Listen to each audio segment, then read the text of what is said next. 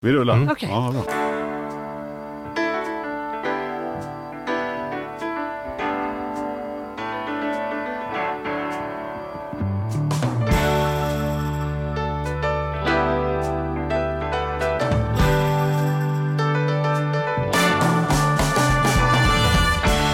Hej och välkommen till Ekonomi på riktigt med Charles och Mattias. En podcast om ekonomi. Hur är dagsformen på Mattias Andersson? Den är mycket, mycket bra. Ja. Vi är igång.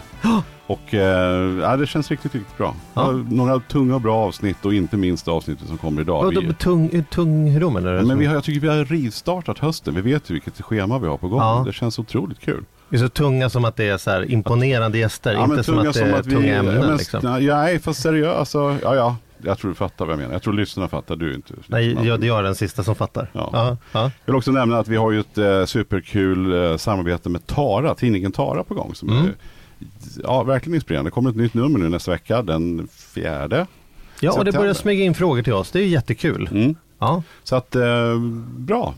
In där. Men, men du, vi har ju en gäst som har ett hektiskt schema så nu ska vi verkligen passa på att nyttja den tiden vi har här. Ja, i dessa dagar som i man dessa säger. dagar. Ja, Ja, det är en eh, stor ära för jag presentera. ja, gör du det? Ja, då ska jag bara gå rakt på sak. En stor ära för att presentera Moderaternas eh, ekonomiska talesperson Elisabeth Svantesson. Välkommen hit! Tack så mycket.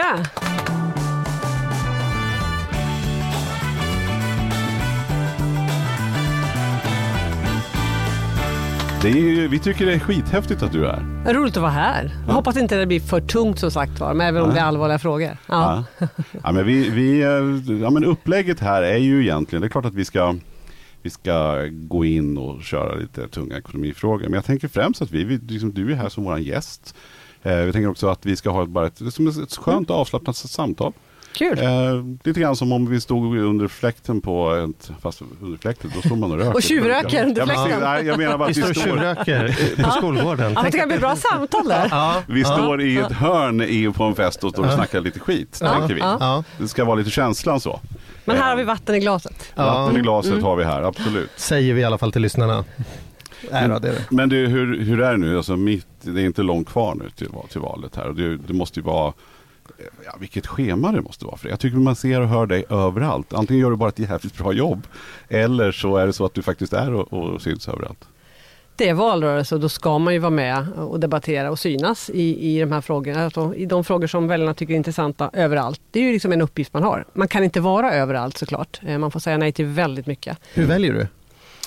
Ja, men både, det handlar om, för mig handlar det om två saker. Dels handlar det om att vara ute i, i liksom den mediala alltså i debatten, att väljarna generellt hör och ser vad Moderaterna tycker. Sen Mm. har jag också ett ansvar att resa runt och träffa våra egna. Alltså valarbetare, peppa någon som jobbar i Kävlinge eller i, i Örebro till exempel. Så det är dubbelt det där. Men jag har ju stort ansvar såklart att föra ut vår politik. Hur mycket betyder en valrörelse? Det här har jag dålig koll på. Mm. Hur många är det som redan har bestämt sig? Så det spelar ingen roll vad du säger, för jag är mer eller mindre klar på vad jag ska rösta i alla fall. Och hur många är det som man faktiskt kan påverka? Det måste ju du ha statistik på. Ja, det har jag faktiskt. Ja. Man kan ju tro ibland när man hör opinionsundersökningar att alla som talar om där vad de ska rösta på har bestämt sig. Mm. Men det är vad, vad man tänker just där och då. Ungefär en tredjedel av väljarna bestämmer sig alltså i valrörelsen, alltså de här sista veckorna. Mm. Och en hel del, jag vet inte exakta siffran nu, bestämmer sig faktiskt samma dag. Alltså den här söndagen, den 9 september, kommer en hel del att bestämma sig. När man går dit helt enkelt. Men vad tänker du om det då? Det låter ju labilt att det kan ju, hela landets framtid vilar på eh, vad det varit för löp sista Nej, men- kvällstidningen. Liksom. Man får lita på att väljarna är hyfsat rationella ändå. Och man, även om man bestämmer ser sig du något sent. tecken på det? Jo men så här, eh, alltså man, även om man bestämmer sig sent så fattar man ju ett beslut. Ja. Och så, självklart blir de sista dagarna också viktiga för oss. Men väljarna är ju lite mer långsiktiga än bara det som hände på löpet på Expressen dagen, dagen innan. Liksom. Mm. Mm. Mm. Du är ju, är, var ju ganska sent in i politiken. Mm. När man läser på, Mm. Hur, hur, hur, liksom började din politiska karriär? För du var inte den där klassiska... Ja, du var inte med i något ungdomsförbund eller Nej, så. Och hur gammal var du? 28 när du var Ja, politiker? precis. Ja. En, en del tycker att det är en fördel och andra tycker att det är en nackdel. Jag tror det är både och. Det behövs ju en blandning av människor i politiken som engagerar sig. Jag har aldrig varit med i MUF.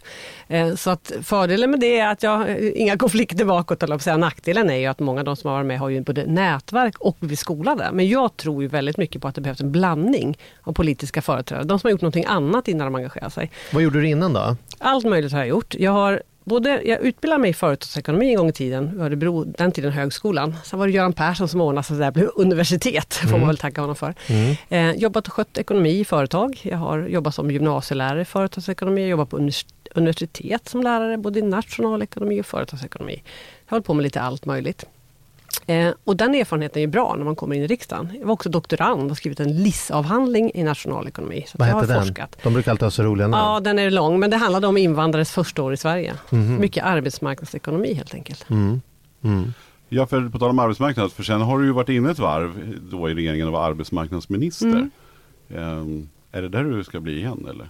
Nej, det här är inte planerat. Det får vi se vad som händer. Jag är väldigt ödmjuk inför både valresultat och inför förhandlingar inför alltså, vad det handlar om regering. Jag tror att en regeringsbildning kommer bli svårare än på väldigt länge. Det visar ju opinionsläget nu, även om inte opinionsläget är valresultatet. Men det är självklart, har man den här uppgiften i Moderaterna så, så förbereder man sig också för att kunna ta över ansvar som finansminister. Men så behöver det ju Jag inte tänkte bli. du säga så här, om du fick välja då? Du får sitta och det går bra här nu i valet och sen så säger du, säger, Chris, vad heter han, Kristoffersson? Kristersson. Eh, Kristersson, Ja. Kristersson säger Ja. att, ja men Elisabeth du får välja här nu. Du får ta vilken minister Ja, men så går det till så. Ja, men jag bara undrar, är det Nej. arbetsmarknad, ja, men jag bara, Nej, jag nej, nej. eller är det finansmark- eller finansminister? Jag har ju den här uppgiften som ekonomisk-politisk talesperson Ja. för att jag är en slags skuggfinansminister från Moderaternas sida. Ja, Mm. Så är det ju. just det. Och jag är väldigt beredd på det och förbereder mig också för det. Jag jobbar hårt för att vinna val, men jag är också i tanken väldigt mycket på vad händer om vi då bildar en regering och vad ska vi då göra? Man måste vara väl förberedd på Hur det. förbereder man sig rent praktiskt för en potentiell möjlighet att bli finansminister? Dels att det handlar om bredden i politiken. Det handlar både om ekonomi såklart generellt och förstå vad har, nu, vad har den här regeringen gjort under fyra år med budgetunderskott och, eller bu- budgeten och så vidare med, med överskottsmål, hela den delen, alltså det finanspolitiska ramverket. Men det handlar ju också om bredd i politiken. Jag har ju fått läsa in mig på allt ifrån försvarsekonomi till miljöpolitik till allt annat. Allting hänger ihop när man ska ansvara för en budget. Har, ni, har man liksom en intern utbildning eller sitter du och läser på själv? Eller finns det ett gäng så moderater som bara har till jobb Säg att jag skulle så här, trilla Mm. in på en partilista nu. Mm. Skulle jag gå få någon så här crash course då i, i, liksom så här, i, i det här måste du veta innan du ens får öppna munnen eller liksom så här, herregud han kanske blir minister då måste vi se till att... Alltså om man trillar in en dag så är inte sannolikheten så stor. Men ministerdagen Nej. efter. Nej, men. Peter Norman till exempel. Ja. Alltså man, förra, förra regeringen, han var ju inte moderat förrän han blev, han blev ju moderat när han blev minister. Mm. Han hade ju massor med kompetens med sig in i uppgiften som finansmarknadsminister. Men för mig handlar det om att nej men jag har ju goda medarbetare som också hjälper mig och fördjupar mig. Jag måste ju läsa väldigt mycket själv, självklart. Så är det ju. Hur mycket läser man? Som... Ja men mycket, det är svårt att säga. Jag läser mycket och jag läser ganska fort. Jag kan ta till mig, det är en fördel som jag har om man har en styrkurs. Jag, jag kan snabbt ta till mig information och fördjupa mig i till exempel då om det handlar om försvarsekonomi eller om det handlar om skattepolitiken. Så att, Mm. eh, mm. Ja, för det handlar ju om enorma mängder alltså siffror. Ni Mm. pratar ju när ni debatterar så är det siffror Mm. till höger och vänster. Och Mm. hemma i soffan fattar man inte särskilt mycket. Utan det är ju bara, för mig är det bara en siffra. Mm. Eh, men det gäller ju, att- skulle ni säga fel siffra däremot, då Mm. lär det ju synas Mm. snart nog. Men du är på någonting intressant och viktigt. Jag tror ju att vi använder för mycket siffror Mm. generellt. Därför att de där siffrorna flyger väldigt lätt över huvudet bara.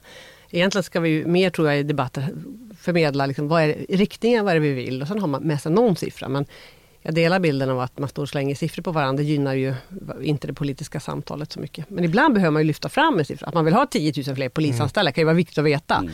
Men alla miljarder som man berättar om, det tror jag inte så, så många kommer ihåg. Personligen tycker jag tvärtom. Mm. Jag, jag är trött på att det är så lite siffror i politiken och så mycket. Jag träffade en kvinna i Örebro förra veckan Mm. och hon berättade... Där bor jag, jag vill inte, ja, just det. Ja. Jag, vill, jag, vill ju inte, jag, jag vill ju veta liksom, nu när jag åker förbi alla valaffischer, Mm. det är ju väldigt svårt att hitta en valaffisch där det står något konkret. Utan Mm. det är så här för ett öppnare Sverige eller mer Mhm. trygg. Och det, är så här, det, det låter ju som så här Miss Universe-tävlingar när man bara står och säger någonting för Mm. att få komma vidare. Men Så jag saknar de där konkreta, att man säger så här, vi vill ha 10 000 mer sådana, Mm, vi vill ha mm. 5 000 mindre sådana, vi vill sänka 3% här. Eh, Men det gör man inte för att är, folk är inte som jag, folk kommer ändå inte komma ihåg och bry sig om det, eller? Nej men man är väl olika, men just valaffischer kan vi nog inte ha för långa budskap. Däremot om du går till en valstuga eller jag kommer och knackar på din dörr och Ja. du ställer frågor, då behöver du få de siffror du vill ha. Men valaffischerna, hade vi för mycket text på dem skulle folk Ja. köra av vägen. Ja. Den bästa valaffischen jag sett hittills, det tycker jag är Kristdemokraterna som har väldigt tydligt, jag kommer, kan inte citera den ordagrant, men det står typ så här, om ingen röstar på oss, då blir det ändå ingen borgerlig regering, typ så står det. Den har jag inte sett. Har du inte heller. nej. Utan oss ingen, eh, ja, någonting sånt Ja, just det. Det, och det, det är väldigt rakt på sak. Ja, Några måste faktiskt rösta på oss också, annars kommer det inte. Om vi Men är under fyra. Men jag tänker de här debatterna nu. Jag såg eh, senast, eh, du hade en debatt i, i Aftonbladet morgon Mm. igår med mm. Magdalena Andersson. Där. Och för det första så, så, jag är ganska påläst ändå. Mm. Jag har några år på nacken och, och har hört mycket och läst. mycket. Men jag förstår ju knappt vad ni säger. Det blir som en kamp liksom. Mm. Som, som inte blir särskilt konkret. Och, och ni svarar inte riktigt på varandras frågor. Eh, och Ja men så här, det måste vara, och sen så är det så roligt när ni pratar med en programledare och sen så säger, säger ni ena så här, Elisabeth Svantesson tycker bla bla och Magdalena Andersson, alltså det här för och efternamn, för och efternamn och slänger, det måste vara tufft att stå där, eller jobbigt eller liksom, det blir inte särskilt konkret. Jag lyssnar ju Nej, på just, den där. Jag, ja, men just jag den där så debatten blev ju lite konstigt tycker jag själv. Därför att det förslag som vi skulle dit och prata om är ju ett förslag som ingen har sett. Utan det är ett förslag som ska diskuteras i en pensionsgrupp. Därför blev det ju väldigt icke-konkret. Mm. Ja, Så och hon själv, försökte ju få dig att vara ja, ska jag säga ja och nej till någonting som Ja. jag inte har sett. Samtidigt så svarar inte du helt och du, och du Därför att det inte går och- för jag har inte sett förslaget. Nej, och då nej, men blir det ju svårt. Ja men jag fattar Ja. det, men det där måste ju vara, jag menar så här, jag, och jag, jag har ingen åsikt om hur just den debatten var. Jag tyckte ni gjorde väl, alltså, jag tycker det lät som det brukar göra. Men Ja, det är ju ett, en teknik det där, alltså Mm. det här med, man kallar för politikersvar. Eh, är det någonting man lär sig? Alltså man måste vara ganska hårdhudad för att palla med de här debatterna. Det blir mycket kasta paj på varandra kan jag tycka. Först och främst är det viktigt att komma ihåg att man skiljer på sak och person. Det är inte så att jag och Magdalena Andersson har en dålig relation. Eh, vi har ju samarbetat under det här året som jag haft den här uppgiften om olika saker. Så det är ju, får man komma ihåg. Och tidigare mötte jag Ylva Johansson. Alltså, det är två personer som jag på många sätt respekterar i deras politiska uppgift. Sen tycker jag att de har fel. och de tycker att jag har fel. Eh, sen de här debatterna blir ofta korta. Man hinner inte alltid lägga ut texten. Och den som du refererade till var, vart ju krånglig. Eh, det viktigaste är väl att, vad är det, att berätta om sin egen politik tycker jag är viktigt. Eh, den måste man alltid komma ihåg. Alltså, vad är det jag vill göra för att liksom, komma till rätta med en hel del av de problem jag ser i Sverige? Den måste man alltid ha med sig. Och sen hårdhudad ja eller nej. nej men alltså, man måste tro på sin egen politik och veta att vi har åsiktsskillnader men vi skiljer på sak och person. Men, men debatt generellt, vi har, Mm. du Mattias och jag har kommit fram till samma slutsats när vi blir inbjudna till en rad debatter, Mm. framförallt i tv då, då, att vi tackar nej. Mm. För det är ju bara det är för frågor som ska avdömas på, på sex minuter och, Mm. och du står och skriker och jag står och skriker. Och Mm, sen jag försöker så, låta bli att skrika ja, faktiskt. ja, precis. Men du förstår vad jag Jag menar? fattar. Och sen ska en Och- statsvetare berätta vad vi egentligen sa. Ja, och, och, och, för mig blir det så här när jag blir ner, inbjuden till Göteborg och står där i någon debattstudio Ja. och pratar i sex Ja. minuter om hur ungdomar ska ha det. Så, så jag tackar nej till det. Jag Ja, kommer jag inte till min rätt, de kommer inte till sin rätt. Och nu ska vi hoppa vidare till nästa fråga. Nu ska vi prata och Så här. Mm. Inget vettigt kommer ju fram. Kan inte du känna ibland att, att den här debattformen, som tydligen är det enda sättet man ska prata politik på, är ju väldigt eh, eh, destruktiv nästan. Men jag, jag håller med. Och det är inte, tyvärr inte så att vi alltid bestämmer hur debattsituationen ser ut. Och jag, Mm. jag har ju ändå en uppgift att berätta om vår politik. Jag kan ju inte som du göra säga nej så mycket, Nej. tycker jag. Ibland Nej. säger man ju nej, därför man tycker att det här upplägget blir väldigt konstigt. Men ofta säger man ja, därför att man har också en skyldighet att berätta om, om Moderaternas politik. Men det, har du någonsin varit i en debatt när någon har sagt någonting som du har tänkt så här, intressant, ja, bra, det tar jag med. Det, här ändrar jag mig. Det, där hade du en bra poäng faktiskt.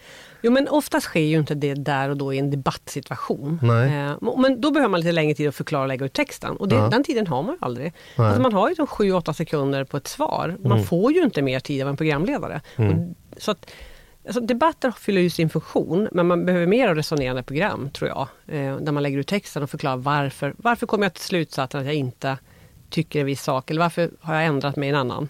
Mm. Så. En fråga som jag tänker så här, eftersom du kom in i politiken ganska sent, är ju varför väljer man yrket politiker? Och jag ska förklara lite varför jag ställer frågan. Idag så lever vi i ett klimat där att vara omeriterad som politiker är nästan meriterande. Är du med? Han är, han är av folket, han är ingen proffspolitiker. Donald Trump blir vald för att han, han har minsann inte gjort alla de där åren. Han är inte skadad av partimaskinen utan han kan komma in som en frisk fläkt.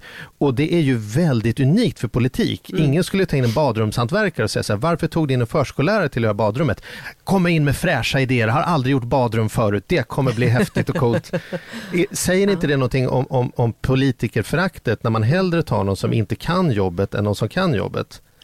Och så kommer du in där 28 år och tänker så här, det här ska jag hoppa på. Ett jobb som man nästan inte får berätta att man har för folk tänker att det måste vara något fel på en. Liksom. Ja, jag förstår din poäng. Min, min resa, det var inte så att när jag gick med Moderaterna att jag tänkte att jag en dag skulle sitta här och prata om de här frågorna med er och kanske kunna bli, sitta i en regering och bli Mm. finansminister. Alltså, det var ju inte så jag började. Jag började rent krasst för att jag hade väldigt starka politiska åsikter. Jag kom, tänkte att nej, men varför ska inte jag vara med och bidra några år och göra, dra mitt strå till stacken. Alltså, politik handlar om demokrati. Vi kan inte bara skylla på alla politiker. Om alla drar sig undan politiken, vem ska sköta det? Så att det behövs ju en blandning av människor som gör olika saker. Men du har ju en poäng i att, att eh, det är också ett, ett slags hantverk. Alltså erfarenheten. När man var med några år får man erfarenhet. Man reser runt mycket i landet. Man ser att ja, man får det är helt enkelt bra med perspektiv, men jag tror fortfarande behövs en blandning av en hel del nya människor, men, men också de som har lång erfarenhet. Men det är ju inte så att man väljer yrket, det här är ett uppdrag. Jag ser ju inte det här som ett yrke, det är ett uppdrag som jag har fått. Jag har det i fyra år. Jag står etta på Örebro läns riksdagslista. Det kan hända att väljarna i Örebro inte vill ha mig. Nu tror jag och hoppas att det ska bli så att jag fortsätter. Men ni förstår, det är ju ett förtroendeuppdrag. Det här förtroendet kan vara brutet imorgon. Då får jag göra någonting annat och det är också en del av, av det här.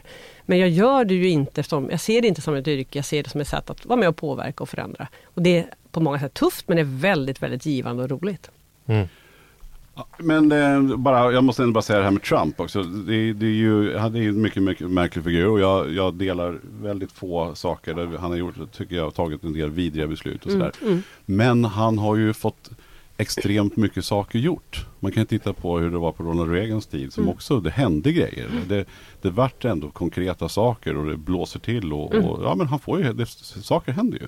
Ja, han, dessutom har han ju uppfyllt många av sina vallöften. Hur korkade en del av dem jag tycker de är, en del var väl bra och många var väldigt dåliga. Mm. Alltså, så att han, har ju ändå, han har ju levt upp till det han sa och det är väl därför han fortfarande är ganska populär bland många. Mm. Eh, men sen har han ju också st- ställt till en del. Han har ju inte skapat en säkrare värld riktigt under de här, den här Nej. tiden. kan man inte påstå. Nej, verkligen inte. Eh, Men det är ändå märkligt och vad ska vi säga, jag höll på att säga uppfriskande. Det tycker jag inte att det är på det sättet. Men, men han får ju saker att hända som Mm. inte eh, på det sätt som inte Obama fick till Mm. exempel. Vad, vad, vad tänker du om det? Då? Alltså, snacka om att kunna gå in och påverka i politiken. Absolut, ja, men politik måste ju visa handlingskraft. Och politiker kan påverka, politiker kan fatta beslut. Det kan man göra även i Sverige om man är statsminister. Man kan förändra jättemycket, till det bättre och till det sämre. Mm. Självklart. Ehm, Så att, och jag tror att väljarna, eh, väljarna i Sverige vill inte ha en Donald Trump, men man vill ha någon som också nu visar, okej, utvecklingen går inte alltid åt rätt håll. Hur vänder vi det här? Vilka, vad ska ni göra? Hur, vi har ju vår som valslogan, nu tar vi tag i Sverige. Mm. Den känslan att vi har förslag som kan ändra saker. Har ni snackat mycket om det? Att nu ska vi vara konkreta. Vågar man inför ett val så här nu? För ena sidan så måste det vara väldigt känsligt att gå ut och säga att vi ska göra de här, de här åtgärderna. Mm. Det känns som att alla ligger lite lågt. eh, Med sina, Ja, för risken är att någon inte håller med. Alla är ju överens så länge man är ospecifik. Ja. En fredligare värld är alla överens om. Så man säger så här, om vårt förslag är att vi gör en parkeringsplats av Palestina, då är det plötsligt, nej men vänta, vänta, det, det, fredligare värld, så långt var jag med. Det där andra, nu vart det för konkret. Mm. Så det är lite farligt att vara konkret också. Det Men ja, men tänker, jag, ja. hur, hur tänker ni kring det? Alltså, vad, vad har man för, alltså, nu då? För ni behöver ju också, det måste ju till en förändring för det är det ni vill. Ni Mm. vill att det ska Mm. bli ett skifte. Liksom. Mm. Hur, hur, eh, det- det måste vara, man måste gå varsamt fram ändå med tanke på att det kan slå bakåt väldigt snabbt. Å ena sidan, men det viktigaste för mig och för oss är ju ändå att vi ser en hel del problem med Sverige. Sverige är fantastiskt men vi har också en del problem nu. Hur ska vi lösa dem? Och då har ju vi väldigt konkreta förslag. Och en del gillar inte språkkrav, en del gillar inte bidragstak. En del gillar inte skärpta straff och andra gillar inte att vi vill liksom, ja, vad det nu än är. Men det går vi till val på för vi tror att Sverige behöver det på riktigt. Det här med att kommunerna ska få bidrag om de vidtar vissa åtgärder med Att vi socialbidrag villkorar en del av pengarna. villkoren. Ja, därför vi ser att nästkommande år, nu är det högkonjunktur, det brinnande högkonjunktur. Men åren framöver kommer det att vända. Många av de som kommer nya till Sverige de senare åren kommer alltså leva på försörjningsstöd om ingenting händer. Och, och då måste man vara tydlig med vad, vad ska vi göra åt det?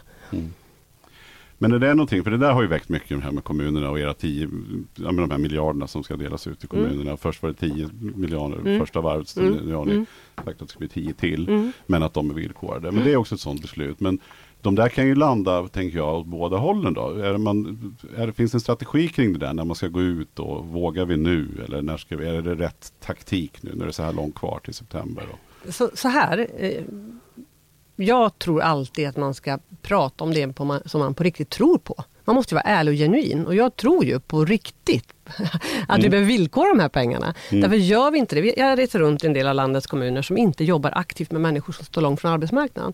De blir bidragsberoende de här personerna. Eh, Kommunernas ekonomi blir dålig. Pengarna går till socialbidrag istället för välfärd. Då måste man göra någonting åt det. Ja, då kommer inte alla gilla det. Nej, men det här behövs. Eh, och ska vi hålla ihop Sverige måste fler komma i jobb när det vänder. Du måste se till att Alltså vi har alltså bara, här kan jag gå igång på verkligen. Vi har alltså en situation, det här kommer från regeringskansliets egen rapport, där vissa familjer, två föräldrar, fyra barn, har försörjningsstöd och kanske vad vi kallar etableringsersättning. De förlorar om en av dem går till jobbet. De förlorar pengar på det. De går back på det. Och det är ingenting Moderaterna hittar på. Alltså det är ju liksom en, eh, experterna i ESO som har presenterat det. Så kan vi inte ha det. Vi måste ju alltid löna oss att gå till jobbet. För den som bor granne med den här familjen, som sliter varje dag för de här liksom 22 000 man har i månaden och kämpar och går upp och ställer klockan halv sex, ska ju känna att det lönar sig för den personen att gå. Så det här är ju ett orättvist system som inte håller ihop Sverige. Det tror jag på. Sen kommer en del gilla verkligen bidragstak, att man inte ska kunna stapla liksom, då bidrag på varandra. Men att andra blir lite upprörda. Ja, men det här är politik som behövs och viktig. Och jag tror också att det gillas av många. Men om inte alla gillar det så går vi till val på det i alla fall, för Sverige behöver det. Så i grunden måste man tro på det man gör. Sen, visst kan man göra strategiska avvägningar i vissa frågor, men, men man måste göra det man tror på. Annars kan man ju lägga ner, och, tycker Ja, jag, som politiker. Ja, det låter sunt tycker jag. Du, eh, amorteringskravet. Ja. Som, vad tycker du om det?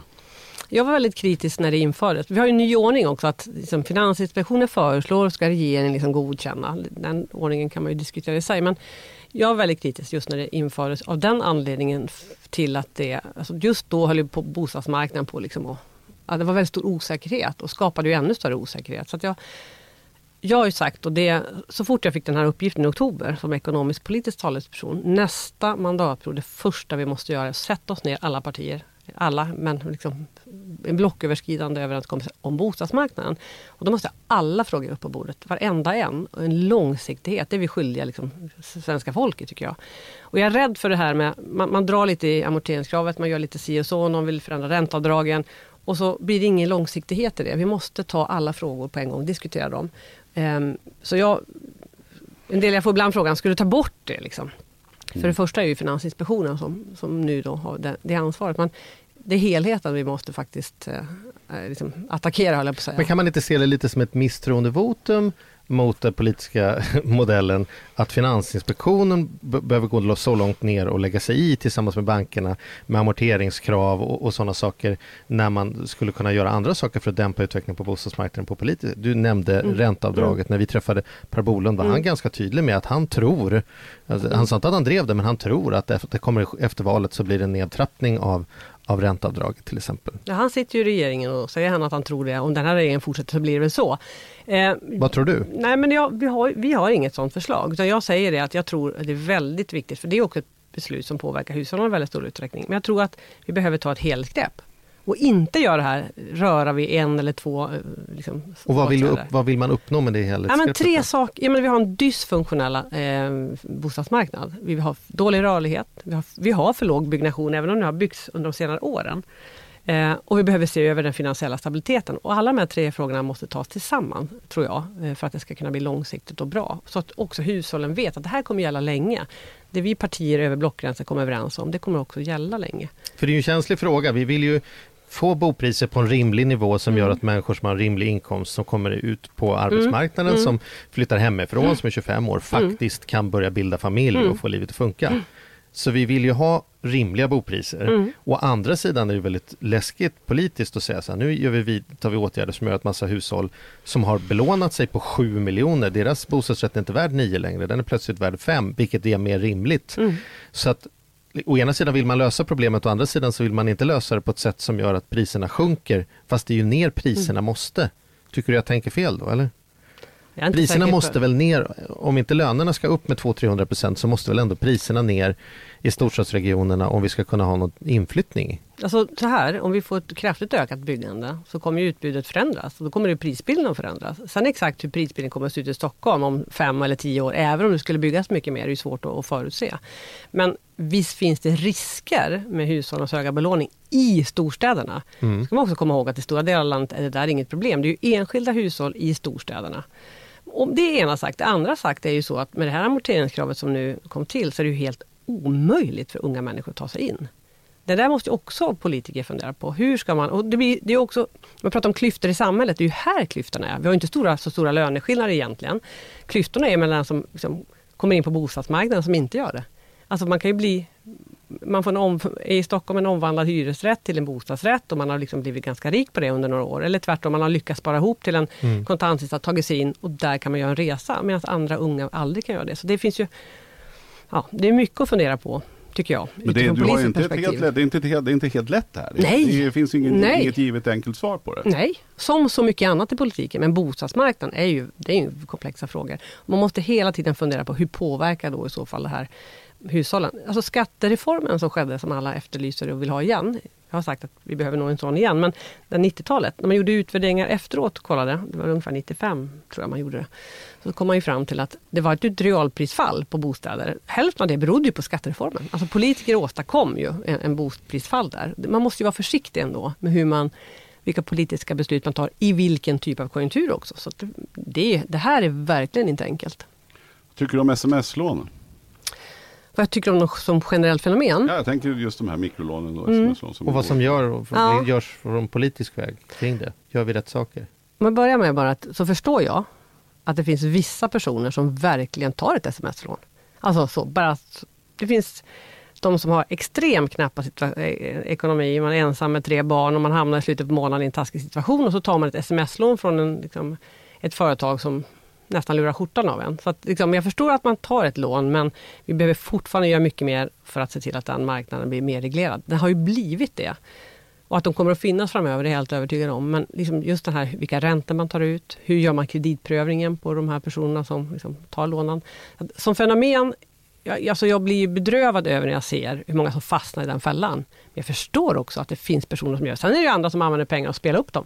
Det är också väldigt, det, det är ett bra sätt att liksom blåsa på en del av spelberoendet dessutom. kan man komma ihåg. Men om du fick bestämma då, mm. hur, hur, skulle, hur skulle de här mikrolånen, skulle mikrolånen fortfarande få finnas? Och hur tycker ja. du att de skulle regleras? Alltså så här, politiker kan inte styra den här marknaden så mycket så man säger att människor i svåra situationer aldrig får låna pengar. Det är ju inte politiken, politikens uppgift. Däremot ska man se till att det är bra företag, att det är rimliga räntor och att man gör riktiga kreditprövningar på personer. Så personer som inte ska låna inte kan göra det. Det är ju för lätt. Det är det som har varit problemet. Och var ännu värre för 5-10 år sedan. Det var ju bara liksom hur enkelt som helst och då är det någonting grundläggande fel. Mm. Eh, därför att eh, ja, man sätter människor i, i, i, väldigt svåra situationer. Det finns ju undersökningar som visar att det kommer krävas att man jobbar till minst 70 mm. eh, för att det ska bli åtminstone 65 procent av vad man mm. tjänar idag mm. över. Vad, vad, vad, ser du för framtid? Vad skulle du kunna göra eller vad skulle ni kunna göra?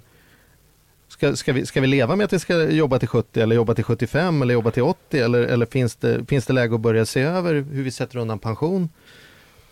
Både och ska jag vilja säga. Så vi måste nog eller säga, dessvärre, en del vill jobba länge, andra vill det inte, inse att om vi lever någonstans mellan 90 och de barn som föds idag, många av dem kommer leva till och med 100. Eh, om vi lever till 90, säger vi någonstans, eh, och så kommer många unga in på arbetsmarknaden liksom strax innan 30 och så slutar man någonstans strax efter 60. Alltså vi har alltså 60 år av vårt liv där vi inte är, eller 55, där vi inte är på arbetsmarknaden, då ska man ju bli, på något sätt försörjas under de åren, en del av sparande men också av den, de andra som jobbar. Då måste man ändå konstatera att den ekvationen är ju inte helt okomplicerad. Vi behöver göra mer för att unga snabbare kommer in. Sverige har en väldigt hög etableringsålder, det vill säga när en, en, viss, ett, en viss åldersgrupp är inne på arbetsmarknaden. Mm så. Det är jätteroligt att man reser runt och sådär i världen och det är bra tror jag, men vi har väldigt låg genomströmning på universitet, man pluggar länge liksom sådär. Där skulle vi bara snabba upp den ett och två år så skulle pensionssystemet och hållbarheten bli mycket bättre. Samma är om man jobbar kvar ett eller två år till. Alla kommer inte orka jobba jättelänge. Och jag ser mer av liksom flexibilitet i det. Dels för det första, låt den som vill jobba länge göra det. För en mycket märklig syn på ålder i Sverige. Mm. Alltså, det finns ju inget land vad jag vet som åldersdiskriminerar faktiskt som Sverige gör.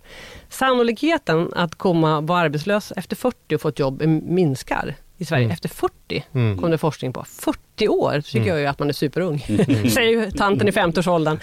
Eh, men det, som i USA då, om vi då tänker på Trump, där kan man alltså bli president vid 70. Mm. Sen kan man ju tycka vad man vill om Trump, men alltså, ålder i andra länder är någonting positivt. Så synen på ålder måste ändras. Den som vill jobba längre ska kunna göra det. Sen finns det ju yrkeskategorier där det är tufft. Då måste man ha arbetsmiljö, att man kan vara flexibel och kanske jobba mindre, inte jobba heltid ända fram till, till man går i pension. Men det är bara så det här är också lite bäsk, liksom bäska piller. Vi kommer att behöva jobba längre om vi vill upprätthålla vår välfärd och om vi vill ha ett starkt pensionssystem. Med det sagt så måste vi också stärka liksom, pensionssystemet på olika sätt och individer måste göra mer för att spara också. Det är liksom nu, är inte jag, nu är inte jag politiker, men hade jag varit politiker, en fråga som jag mm. hade drivit då, mm. det är ju att jag tycker att generellt sett, både från stat, kommun och landsting, att kravspecen är väldigt luddig. På vad då? Ja, men jag tänker så här, det är jävligt mycket tjat om vinster i, i, i vården till exempel. Mm, ja. Då är jag så här, mig spelar det ingen roll om, om, om, om ett företag tjänar pengar på eh, min mamma när, när hon är på sjukhus eller inte. Vad jag är intresserad av är, får vi en kvalitativ vård mm. för de pengarna mm. vi lägger ner? Mm. Eh, och samma sak blir när du när skolan, jag mm. tycker faktiskt det är lite konstigt idag att folk kan plugga vad de vill på universitetet och jag finansierar att det kommer ut 5000 arkeologer varje år. Vi behöver ju tre arkeologer, det är åtminstone 4997 för många. Eller liksom, du vet, folk läser till programledare på... på, på, på för så här poddar? Ja, men, och, hur många det finns ju det, ni finns ju redan. Ja, men, nej, men, jag, nej, men ärligt talat Mattias, du som jobbar som agent för artister, hur många programledare jobbar du med som har blivit programledare för att de har läst till programledare?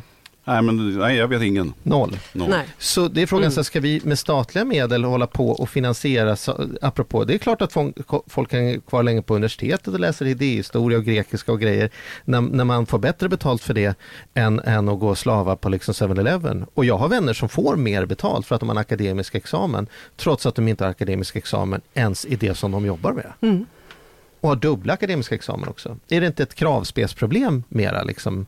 Men jag tror att vi, det finns mycket mer att göra på olika utbildningsnivåer för att arbetsmarknadsanpassa alltså våra utbildningar. Definitivt. Eh, det, menar, det finns frisör, frisörutbildning på gymnasieutbildning. För några år sedan var det ju jag vet inte hur många frisörer i vissa kommuner. fast det fanns ju inget behov överhuvudtaget i princip. Så finns mycket mer att göra, använda skattebetalarnas pengar mer effektivt, självklart. Jag tror också, jag skulle vilja säga att varje universitet på sin hemsida har liksom, okej, okay, går den här utbildningen, så här ser det ut tre år efteråt, vad jobbar du med, vad tjänar du och sådär. Vad är dina chanser att få ett jobb i det här yrket? Det borde vara en sån slags kravspes. Men jag tänker så här, vi har brist på lärare. Ja. Hade man sagt så här, jag vill bli arkeolog. Ja, ledsen, det finns bara fyra platser. Däremot har vi hundra platser mm. lärare. Mm. Så om du vill gå på högskolan, då är det mm. det vi har. Liksom. Mm. mm. Jaha, ja, men då hade vi haft lärare då, tänker jag.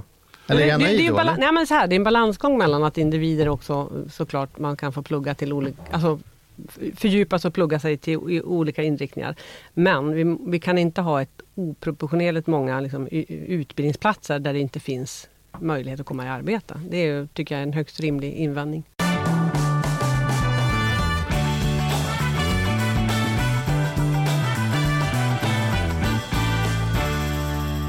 Samhället idag så, så känns det som att vi när jag, när jag tittar mig runt, man ser så oerhört mycket fina bilar, folk bor så dyrt, man tittar på Hemnet, det är nyrenoverat. Alltså jag upplever att, att det är klart att det är också väldigt stora klyftor och väldigt, väldigt många som har det supertufft. Men det känns ju inte som att folk har planer på att spara eh, nu med tanke på att vi pratar om pension och hur man ska få det att gå ihop och räcka. Utan det konsumeras ju som aldrig någonsin. Och jag förstår inte hur folk har råd att göra alla dessa saker. Jag tjänar bra med pengar själv, men skulle inte ha råd att göra det som jag ser mm. många andra gör. Och någonstans så förstår jag att det handlar ju till, till sist om att man har lånat pengar någonstans. Eller ärvt av sina föräldrar kanske? Ja, fast jag tror inte det är så många. Mm. Alltså om, du, mm. om du kollar standarden när du är ute och mm. åker och tittar på alla mm. bilar eller tittar på lägenheter, hur folk bor, kläder, mm. märken.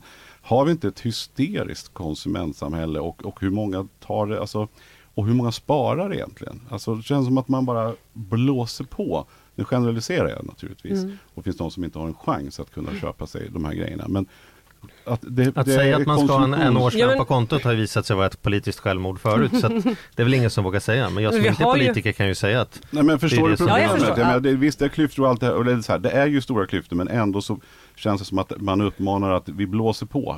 Vi mm. handlar, vi får hela tiden här som konsumenter att man ska ha det ena och det andra. Och så där. Men jag känner ju att det inte är en bubbla som kan det hålla på det här sättet som vi, som vi lever?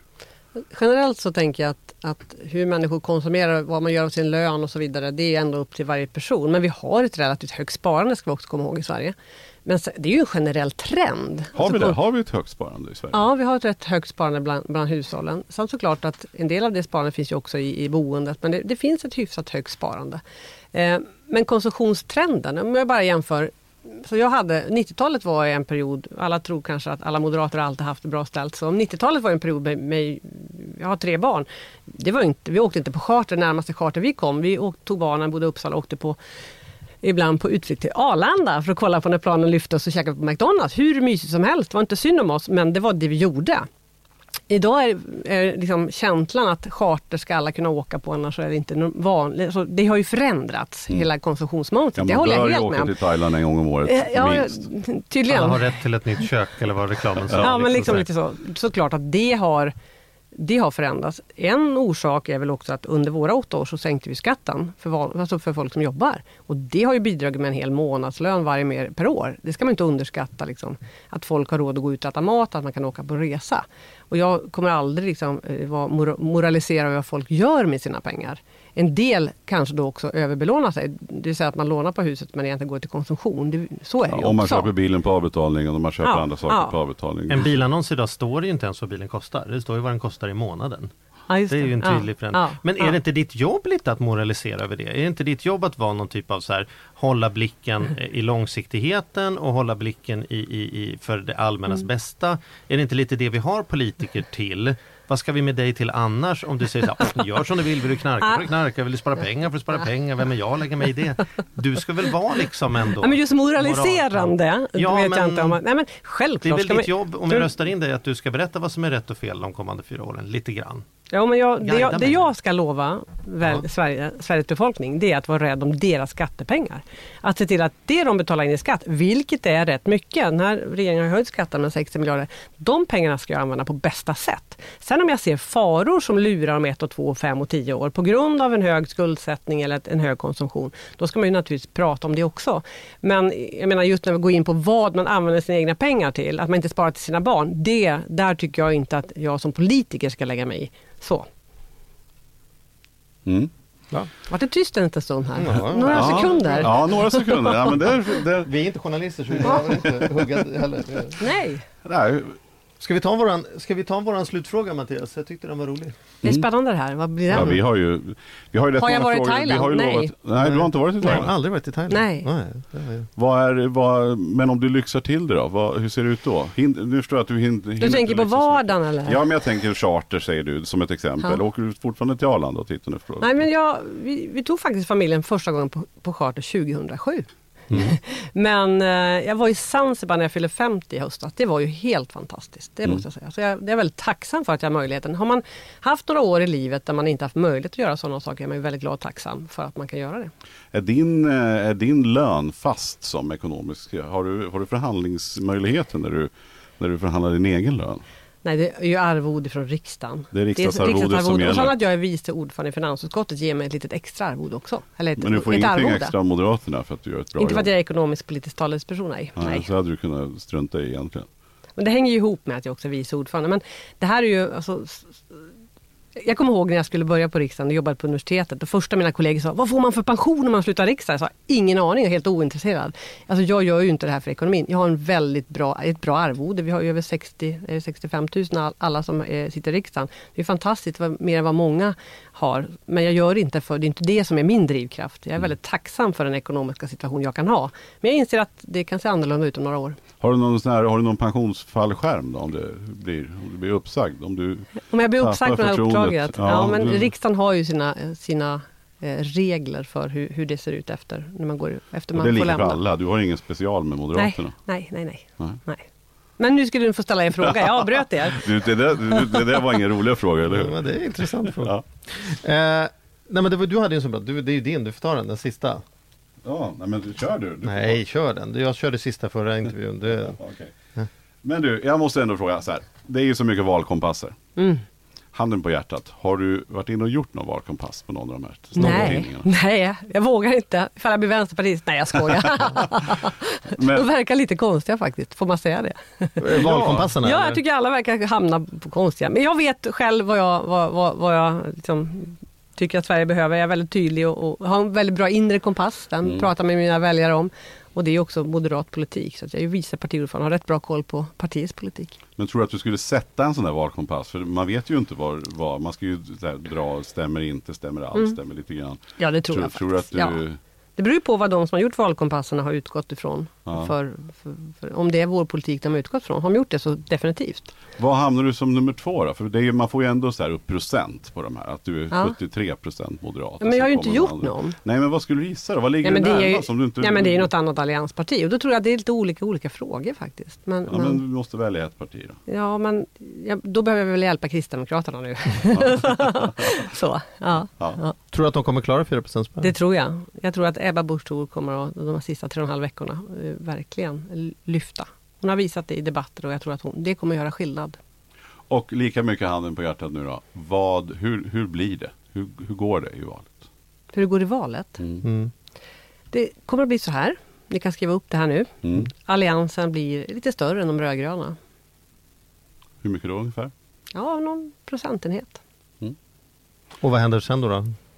Sen kommer det att krävas svåra liksom, förhandlingar. Men det kommer att... Det är lite klurigt för den som röstar att man inte riktigt vet absolut, var absolut. man öser ner saker i en Nej, soppa. Man inte- vet inte riktigt vad man får käka när det är klart. Nej, och det vet, alltså det vet Stefan Löfven är väldigt tydlig med att han själv vill vara statsminister. Ja. Men inte vilka han vill regera med. Han vill regera med några i Alliansen som inte vill regera med honom.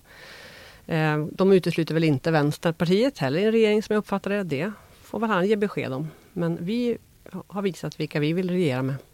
Kommer Sverigedemokraterna bli det näst största partiet? Det finns ju mycket som talar för det. Vad tror du? Alltså jag tror att de, vi är tre partier som är rätt stora nu. Socialdemokraterna är störst.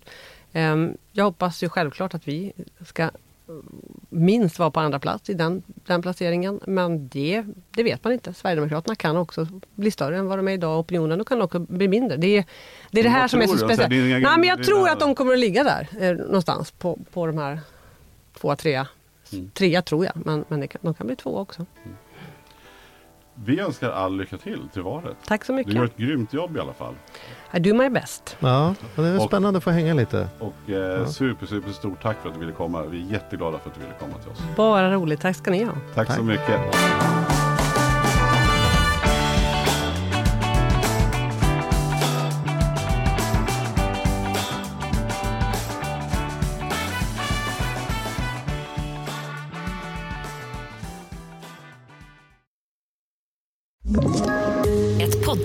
Podplay. I podden Något Kaiko garanterar östgötarna Brutti och jag, Davva, dig en stor dos skratt. Där följer jag pladask för köttätandet igen. Man är lite som en jävla vampyr. Man har fått lite blodsmak och då måste man ha mer. Udda spaningar, fängslande anekdoter och en och annan arg rant. Jag måste ha mitt kaffe på morgonen för annars är jag ingen trevlig människa. Då är du ingen trevlig människa, punkt. Något Kaiko, hör du på Podplay. Därför är gardinerna.